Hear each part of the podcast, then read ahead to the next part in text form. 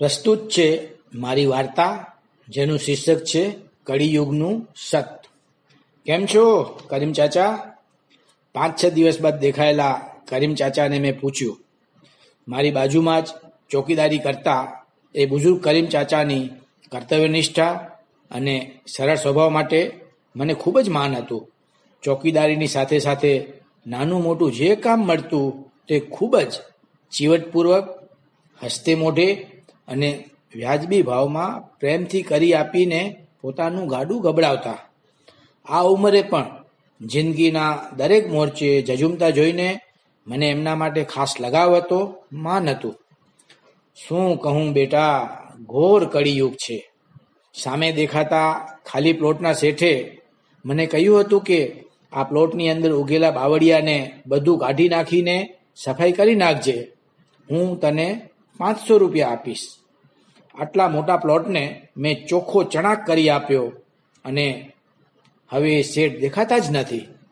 કોઈકે મને કહ્યું છે શેઠ તો મુંબઈ હાલ્યા ગયા, તારી મજૂરીના રૂપિયા ઘપચાવીને.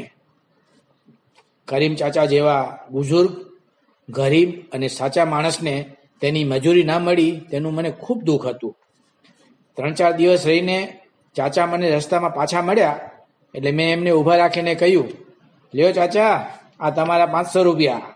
પેલા મુંબઈવાળા શેઠ મને ભેગા થયા હતા અને પાંચસો રૂપિયા આપીને તમારા સુધી પહોંચાડવાનું કહી ગયા હતા.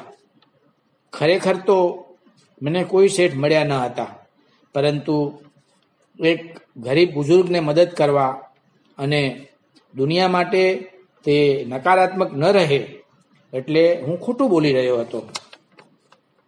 ચાચાની નજરમાં એકાએક ચમક આવી ગઈ. તેમણે મારા પાંચસો રૂપિયાવાળા હાથને પોતાના હાથમાં રાખી, પોતાની આંખે અડાડી અને મારી સામે એક નજર નાખી. પછી તેમણે કહ્યું, બેટા, શું કામ ખોટું બોલે છે? મારા રૂપિયા તો એ મુંબઈવાળા શેઠ મને કાલે જ પોતે ઘરે આવીને આપી ગયા છે. એટલું જ નહીં, મારી માફી પણ માંગી. તેમને તાત્કાલિક મુંબઈ જવું પડ્યું એટલે મારી મજૂરી ચૂકવી શક્યા ન હતા. બેટા, મને મારા બોલવા પર અફસોસ છે. મેં કહ્યું હતું કે ઘોર કળિયુગ છે. પણ બેટા, આ કળિયુગમાં પણ તારા અને મુંબઈવાળા શેઠ જેવા સત હોય જ છે. હું જોઈ શક્યો કે ચાચાની આંખોમાં દુનિયા માટેની નકારાત્મકતા ગુમ થઈ ગઈ હતી. ધન્યવાદ.